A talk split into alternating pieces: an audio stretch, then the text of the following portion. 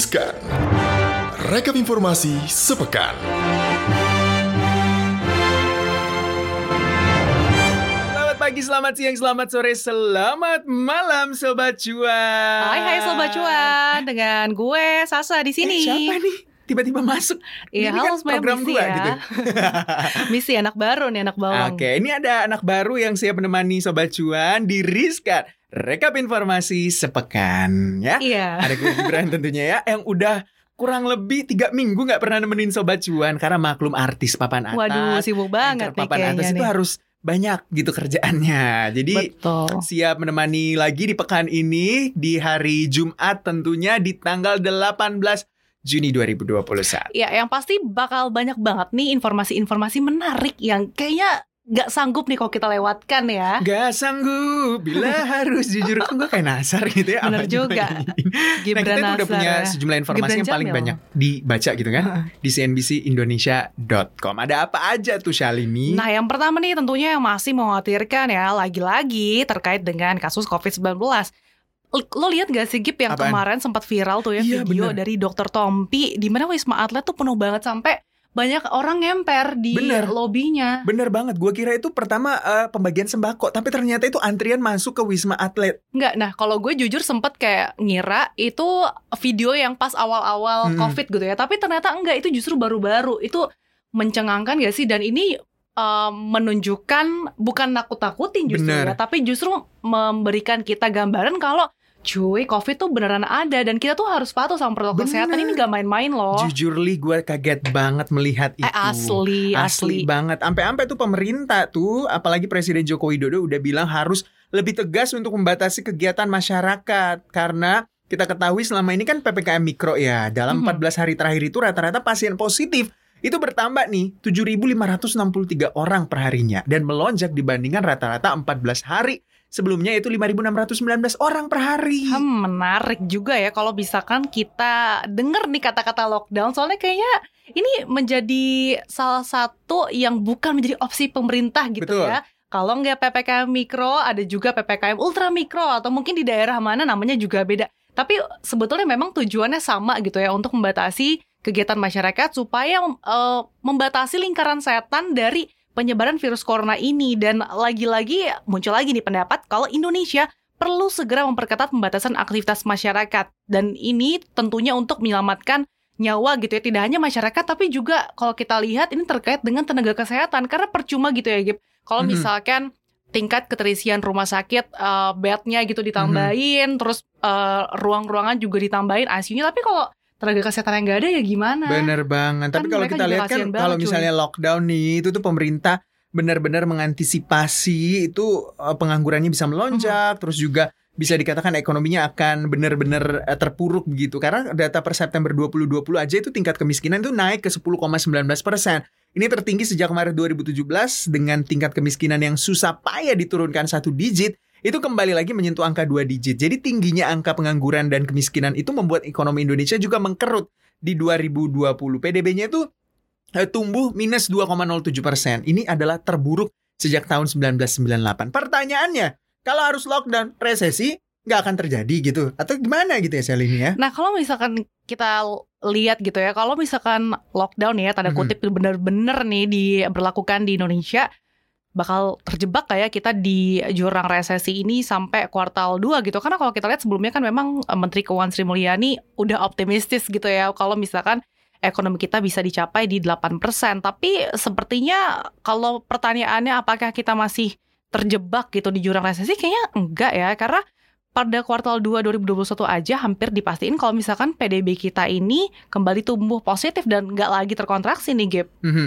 Nah kalau kita lihat dengan kondisi yang saat ini sudah jauh lebih baik, maka hampir pasti ekonomi kuartal kedua itu bakal tumbuh positif dan tidak sekedar tumbuh, tetapi sebenarnya lumayan tinggi pertumbuhannya. Makanya nih Hmm. masyarakat Indonesia, mohon maaf gitu ya. Nih yang abis mudik gitu, ini gue udah dua tahun nih gak pernah mudik gitu ya. Harus benar-benar memperhatikan protokol kesehatan. Kalau misalnya juga keluar rumah atau mungkin nggak punya kepentingan di luar rumah, nggak usah deh ke mana-mana. Betul, sebetulnya kalau gue melihat sendiri ya, kayaknya nggak cuma orang yang mudik atau mungkin keluar-keluar rumah kali ya yang patut disoroti, tapi juga mungkin orang yang bekerja, kemudian uh, mungkin bertemu dengan uh, rekan atau teman gitu yang tidak mematuhi protokol kesehatan ini juga harus di highlight gitu ya. Jadi Benar. Karena yang penting memang kita masing-masing dari diri kita sendiri karena percuma cuma sampai kapan coba kita membatasi nggak boleh mudik. Masa tiap tahun nggak boleh mudik sih? Jangan sedih, jangan sedih, jangan sedih. Ini terkait dengan masih dengan angka positif COVID-19 itu. Akhirnya pemerintah itu Shalinia itu Hmm. menetapkan PPKM Mikro itu berlanjut hingga 28 Juni. Jadi WFH di zona merah hanya hanya 75%. Jadi 25% doang yang boleh Eh, uh, work sebentar from, Gap, bentar. Ini uh, kan- office gitu ya. Oke, ini kan pemerintah memperpanjang PPKM mikro nih Mhm. di seluruh provinsi. Pertanyaan gue, pertanyaan masyarakat sih sebenarnya, Mhm. apa bedanya sih dengan PPKM mikro yang Ya nggak tahu sih sebenarnya mikro, nano atau apa pun itu menurut gua ya Dan ya, maksudnya ya tuh tahu deh, banyak gua- masyarakat yang bertanya apa sih bedanya PPKM mikro yang dijalankan dengan yang sebelumnya gitu loh. Maksudnya apakah ada uh, hasilnya Mhm. selain dari data-data angka gitu ya? Nah, kita Ada tanya. sih? Kita tanya Pak Erlangga Hartarto. Jadi menurut Menko Perekonomian Pak Erlangga Hartarto ini memastikan kalau pemerintah itu sudah memperpanjang PPKM Mikro mulai 15 Juni, berarti ya beberapa hari yang lalu gitu kan sampai dengan 28 Juni untuk zona merah. Pemerintah menganjurkan 75% work from home, artinya 25% doang yang harus work from office. Jadi kata Pak Erlangga itu gini nih SOT-nya. Jadi untuk daerah-daerah berbasis PPKM Mikro zona merah itu kantornya 25%. Namun kantor itu harus digilir, artinya 25% itu bukan mereka yang itu-itu saja, tetapi diputar sehingga meyakinkan bahwa work from home itu bergantian dan memastikan bahwa pekerjaannya itu adalah standby di tempat mereka bekerja masing-masing. Kemudian kalau ada yang di daerah oranye dan kuning WFO-nya eh, 50% dan juga WFH-nya juga 50%. Itu kata Pak Erlangga. Oke. Oke oke, aturannya kan gini, tapi berkaca pada yang sudah diterapkan sebelum-sebelumnya, kejamin nggak sih pengawasannya tepat nggak sih kalau di suatu perkantoran misalkan yang di zona hijau, eh maksud kami di zona merah atau di zona orange itu betul-betul 75% doang nggak lebih gitu loh. Nah, makanya pemerintah mendorong TNI dan juga Polri untuk betul-betul mengawasi implementasi PPKM Mikro di jilid-jilid nggak tahu jilid berapa ini sebenarnya kayak jujur ya. nggak tahu ini jilid, jilid keberapa ya sobat cuan tapi ini untuk PPKM Mikro yang sampai dengan dua eh, akhir Juni ini akan dibata akan benar-benar di apa ya diawasi oleh pemerintah. Kalau kita lihat juga untuk kegiatan belajar mengajar ini akan Mhm. mengikuti yang sudah diputuskan oleh Kemendikbud Ristek Dikti. Oke, ini gitu. menarik juga ya karena kan sempat nih ada wacana kalau tahun ajaran baru ini bakal tatap muka nih meskipun Benar. balik lagi nih ke keputusan orang tua masing-masing. Tapi eh, menurut Nadiem Makarim gitu ya untuk daerah merah itu juga kecamatan daerah merah 100% ini bakal tetap online gitu ya. Jadi kemarin kan sempat ada wacana tatap muka terbatas dua hari dua jam. Nah tapi untuk daerah merah jadinya ditetapkan mengikuti PPK mikro nih. Jadi Oke. kecamatan yang merah itu nanti secara online dua minggu, terus juga yang pada periode ini 15 sampai 28 Juni, sebagian besar ini udah libur nih anak sekolahnya. Mhm. Jadi ini kata Pak Erlangga juga nih ternyata katanya dilanjutkan dan yang pasti ini juga menjadi pertanyaan ya apakah benar-benar diterapkan eh, sekolah Jadi, muka dengan bener. lonjakan kasus ini? Eh, eh, jadi benar pertanyaan jawabannya adalah pemerintah sama masyarakat emang benar-benar saling bahu membahu untuk bisa mencapai apa yang menjadi tujuan PPKM Mikro. Kita tinggalin informasi-informasi perkoronaan ini karena ada informasi yang bisa dikatakan agak mencengangkan saudara. Wow, saudara, apa sebangsa itu? setanah air. Karena ada fenomena DCII. Tahu kan DCI? Ih tahu banget hits banget kan Hits ini parah. Dari harga 400 coy, sekarang 60 ribu. Gimana Kayak- kagak kaya tuh ya? Kayak ternyata nih pandemi itu selain Menghasilkan orang miskin baru, menghasilkan orang, kaya, baru juga. ya maksudnya ternyata ini ada blessing in disguise juga ya. Benar. Jadi fenomena laju saham perusahaan data center milik pengusaha teknologi Toto Sugiri dan and Friends gitu. Jadi Toto and Friends itu PT DC Indonesia atau DCII ini tampaknya belum selesai nih karena kalau kita lihat saham ini meroket hingga menembus Rp60.000 per unit sahamnya. Artinya menjadi yang termahal di Bursa Efek Indonesia. Kapitalisasi pasarnya juga malahan menembus big cap alias berkapitalisasi pasar di atas 100 triliun rupiah, tepatnya 141 triliun. Wow, gills kayak lebih mahal gak sih dari Benar. BCA jujur Iya, kayak jadi ini tuh menggeser eh, untuk Tahta. 10 eh, menggeser tahta MTK. Wow. Jangan iri, jangan iri. Parah, MTK parah. tidak gitu kan. dan Gip nih ya, kalau misalkan kita lihat data Bursa Efek Indonesia aja nih per 16 Juni kemarin, saham DC ini pas baru dibuka suspensinya, aduh langsung deh ini meroket to the moon dengan range di harga tuh sekitar 50 ribuan sampai 60 ribu 300 per saham. Jadi kalau yang baru mau ikutan kereta, aduh cuy, mahal ya. Cuki caki cuki caki cuki jangan. Bukan juga jangan sih terserah anda. Ya ya ikuti profil risiko anda ya, oke, anda aja on. gitu kan. Nah per Maret 2021 itu pemegang saham terbesar DCI itu Pak Toto Sugiri. Lalu ada Marina Budiman 27,26 persen. Pak Toto itu 34,19 persen. Ada Han Arming Hanavia 17,08 persen. Dan investor publik 15 persen. Atau berkurang 400 saham dari porsi Januari silam. Nah pertanyaannya berapa cuan investor retail di saham DC, DCI ini kalau kita lihat hitungan posisi Maret lalu, investor publik tuh memegang masing-masing di bawah 5%. Tercatat memegang 15% saham gitu kan. Atau setara dengan 357 juta 561.500 saham. Dengan Wow. demikian, harga perdana PDCI yaitu 420 rupiah per saham. Jadi valuasinya di Januari gitu kan. Ini mencapai 150,18 miliar. Buset tuh duit ya. Wah lezat banget ya kalau sebenarnya kita dengerin cuannya nih tapi kalau kita lihat ketika sampai udah tembus pas kemarin tuh 5 59.000? bulan 59 ribu per saham gitu ya. Kalau kita lihat lagi nih valuasi nilai saham investor publik ini udah menembus 21 Koma- triliun rupiah gitu Oh atau God. investor eh, publik nih udah cuan sampai hampir 21 triliun rupiah dalam 8 bulan terakhir 6 bulan cuy. terakhir itu cuy kayak jadi nggak heran ya kalau misalkan kita lihat-lihat orang yang cuma WF eh, H di rumah Uh-uh. terus diem-diem tapi tiba-tiba udah tajir. Ah, Jadi jangan kira mau- itu lagi babi ngepet. Iya, kemarin juga viral. Sebenarnya gue mau beri selamat juga sama Pak Antoni Salem yang beli saham DCI ini di harga 5 ribu gitu kan. Aduh, Sekarang harganya 60 ribu cuy. Selamat Pak, Anda kaya ini ya. Nah, ngomong-ngomong soal kaya nih, artinya mendapatkan rezeki durian runtuh. Ini juga Wow. kabarnya ada yang mau dapat rezeki durian runtuh. Pensiunan PNS ini bisa dapat satu miliar. waduh, ini emang kabarnya kayak PNS mendapatkan kabar baik bertubi-tubi ya. Karena Hmm. tahun ini pemerintah bakal membuka lowongan nih untuk calon pegawai negeri sipil atau CPNS untuk salah satu kelebihan. Dan kalau kita lihat nih memang yang menarik ya, salah satu kelebihannya atau mungkin yang menjadi daya tarik nih karena bisa mendapatkan dana pensiun sampai hari tua nih dan gak main-main pemerintah saat ini tengah merancang untuk membuat skema dana pensiun PNS menjadi skema yang selalu kita dengar belakangan ini yaitu skema fully funded nih Gip. Ya, lewat skema fully funded ini diperkirakan pensiunan bisa mengantongi uang hingga satu miliar rupiah. Hal tersebut juga langsung disampaikan oleh Menteri uh, Pember- uh, Menteri Aparatur Negara dan Reformasi Birokrasi atau PAN RB Pak Cahyo Kumolo beberapa waktu lalu. Jadi PNS udah jadi mantu idaman plus plus para Aduh. mertua ya. Udah dapat satu miliar nanti di akhir penghujung pensiunnya gitu kan. Betul, ternyata memang kalau dulu tuh kan orang selalu bilang PNS nih adalah eh, menantu idaman. Kayak semakin jadi Semakin hari idaman. semakin idaman gitu kan. Aduh, Apa gue jadi PNS nih? Makanya nih apa kita harus berubah haluan. Nah, tapi Gip, perubahan skema pensiun ini dilakukan nih sebenarnya sebagai satu salah satu langkah gitu ya, supaya bisa memberikan uang pensiunan yang lebih banyak nih kepada PNS saat kalau mereka udah habis nih masa baktinya. Selain itu, skema terbaru ini juga bisa mengurangi beban APBN karena kalau kita lihat ya, APBN ini kan harus mengeluarkan anggaran sekitar 120 triliun rupiah nih setiap tahunnya untuk pembayaran pensiunan. Nah, makanya pembayaran pensiun ini seenggaknya bisa diberikan kepada pensiunan PNS yaitu TNI, Polri, dan jumlahnya juga sekitar 3,1 juta eh, orang nih. Gip. Betul banget. Jadi Kepala BKN Pak Bima Haria mengatakan kalau misalnya pembahasan skema pensiunan fully funded ini masih bergulir di Kementerian Keuangan.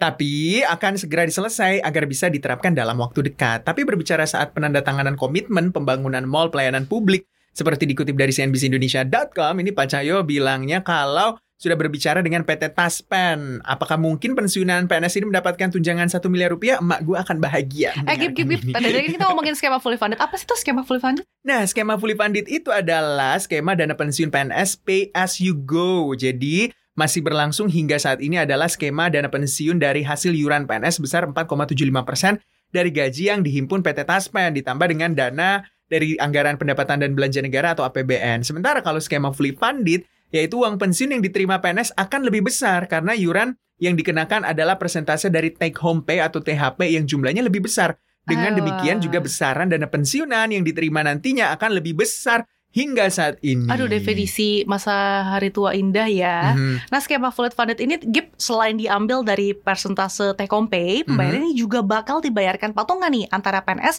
dan juga pemerintah sebagai pemberi kerja. Jadi skema ini dinilai bisa lebih menguntungkan bagi para pegawai negeri untuk hari tua mereka. Selamat PNS, semoga makin rajin kerjanya ya. Yang tentunya makin amanah ya. meningkatkan eh, kinerjanya, nggak cuma main Zuma. Oke, kita ke informasi selanjutnya gitu kan. Ini mengenai CR7 versus Coca-Cola. Wah ini juga viral nih kemarin-kemarin. Jadi ini aksi pemain Portugal Cristiano Ronaldo baru-baru ini juga sudah membuat heboh media sosial. Jadi Ronaldo itu nyingkirin botol Coca-Cola yang ada di depannya saat konferensi pers Portugal menjelang pertandingan Euro 2020 pertamanya melawan Hungaria. Iya, jadi pas itu ya Ronaldo mendampingi pelatih Fernando Santos untuk melakoni kewajiban menjawab pertanyaan nih bagi para media. Nah, fakta-faktanya nih terkait aksi Ronaldo itu, Gip, ini perkara ya mega bintang Juventus itu terang-terangan. Jadi dia tuh menyingkirkan dua botol minuman Coca-Cola di depannya dan memberi pesan kepada uh, awak media gitu dan juga pemirsa gitu, jangan minum soda. Kemudian Ronaldo tuh uh, ngangkat doang satu botol air mineral, terus tampak nyata gitu di hadapan media dan Mhm. kemudian mengambil sebuah botol plastik berisi air yang juga telah disediakan di dekatnya gitu. Mhm. Dan kemudian Ronaldo mengatakan mendingan minum air ini aja Iya. dan waduh ber- cuma perkara dia mindahin itu doang harga Sama bilang saham jangan lupa minum air putih kan. iya cuy harga saham Coca-Cola di Wall Street tuh langsung turun signifikan dong Bener. Jadi harga saham eh, apa setelah aksi itu harga saham Coca-Cola Company di bursa Wall Street itu tercatat turun signifikan. Saham Coca-Cola Bottling eh, Consolidated ini kode sahamnya Coke yang diperdagangkan di bursa Nasdaq ikut koreksi 1,74 persen turun menjadi 410 US dollar dari harga pembukaannya 417 US dollar per sahamnya dan pada waktu yang sama juga setelah konferensi pers Ronaldo. Jadi kalau mungkin gua angkat botol yang lain gitu ya di Indonesia gitu lo yang masuk emiten gitu deh. mungkin sahamnya bisa naik kali ya kalau gua angkat Kayaknya botol ngaruh deh. Karena kalau misalkan, oh ya ini juga ada yang menarik. Sebenarnya selain Ronaldo juga kemarin Pogba gitu ya. Benar. Pogba juga ini kemarin mindain uh, Minuman Heineken. beralkohol. Betul. Uh-uh. Kita sebut, gak apa-apa gak sih Eh, sebut ya udah sebut aja udah terlanjur Boleh anda cumut Boleh ada gitu sponsor sekalian gak sih? Gak boleh. udah anda ini bilang Kalau juga ya udah udah terlanjur basah gitu ya. Nah jadi dia udah mindahin Heineken. Tapi kayaknya nggak se pengaruh Ronaldo gitu ya. Jadi pas si Pogba mindahin Heineken, tapi ternyata harga sahamnya nggak begitu signifikan lah Iya, ibaratnya. tapi nih bagaimana sih sebenarnya jeroan keuangan Coca-Cola itu menjadi pertanyaan. Apakah ka- turun gitu karena aksi Ronaldo? Apa karena emang udah jelek tuh lab Q-nya? Oke. Nah, berdasarkan laporan keuangan kinerja keuangan yang dirilis perusahaan sepanjang kuartal pertama 2021, pendapatan Coca-Cola Company itu tercatat naik 4,87 persen secara year on year menjadi 9,02 miliar US dollar atau setara dengan 129 triliun rupiah dibandingkan dengan kuartal yang sama di tahun sebelumnya yang berada di angka 8,6 miliar US dollar atau 123 triliun rupiah. Eits, tapi meskipun pendapatan naik ya, Gap, sebetulnya laba bersih Coca-Cola Company justru turun loh hampir 20% secara tahunan. Dari sebelumnya tuh mereka tuh bisa me- memperoleh laba yang cukup menggiurkan yaitu 40 triliun rupiah atau sekitar 2,77 miliar dolar lah pada kuartal pertama tahun lalu dan kini laba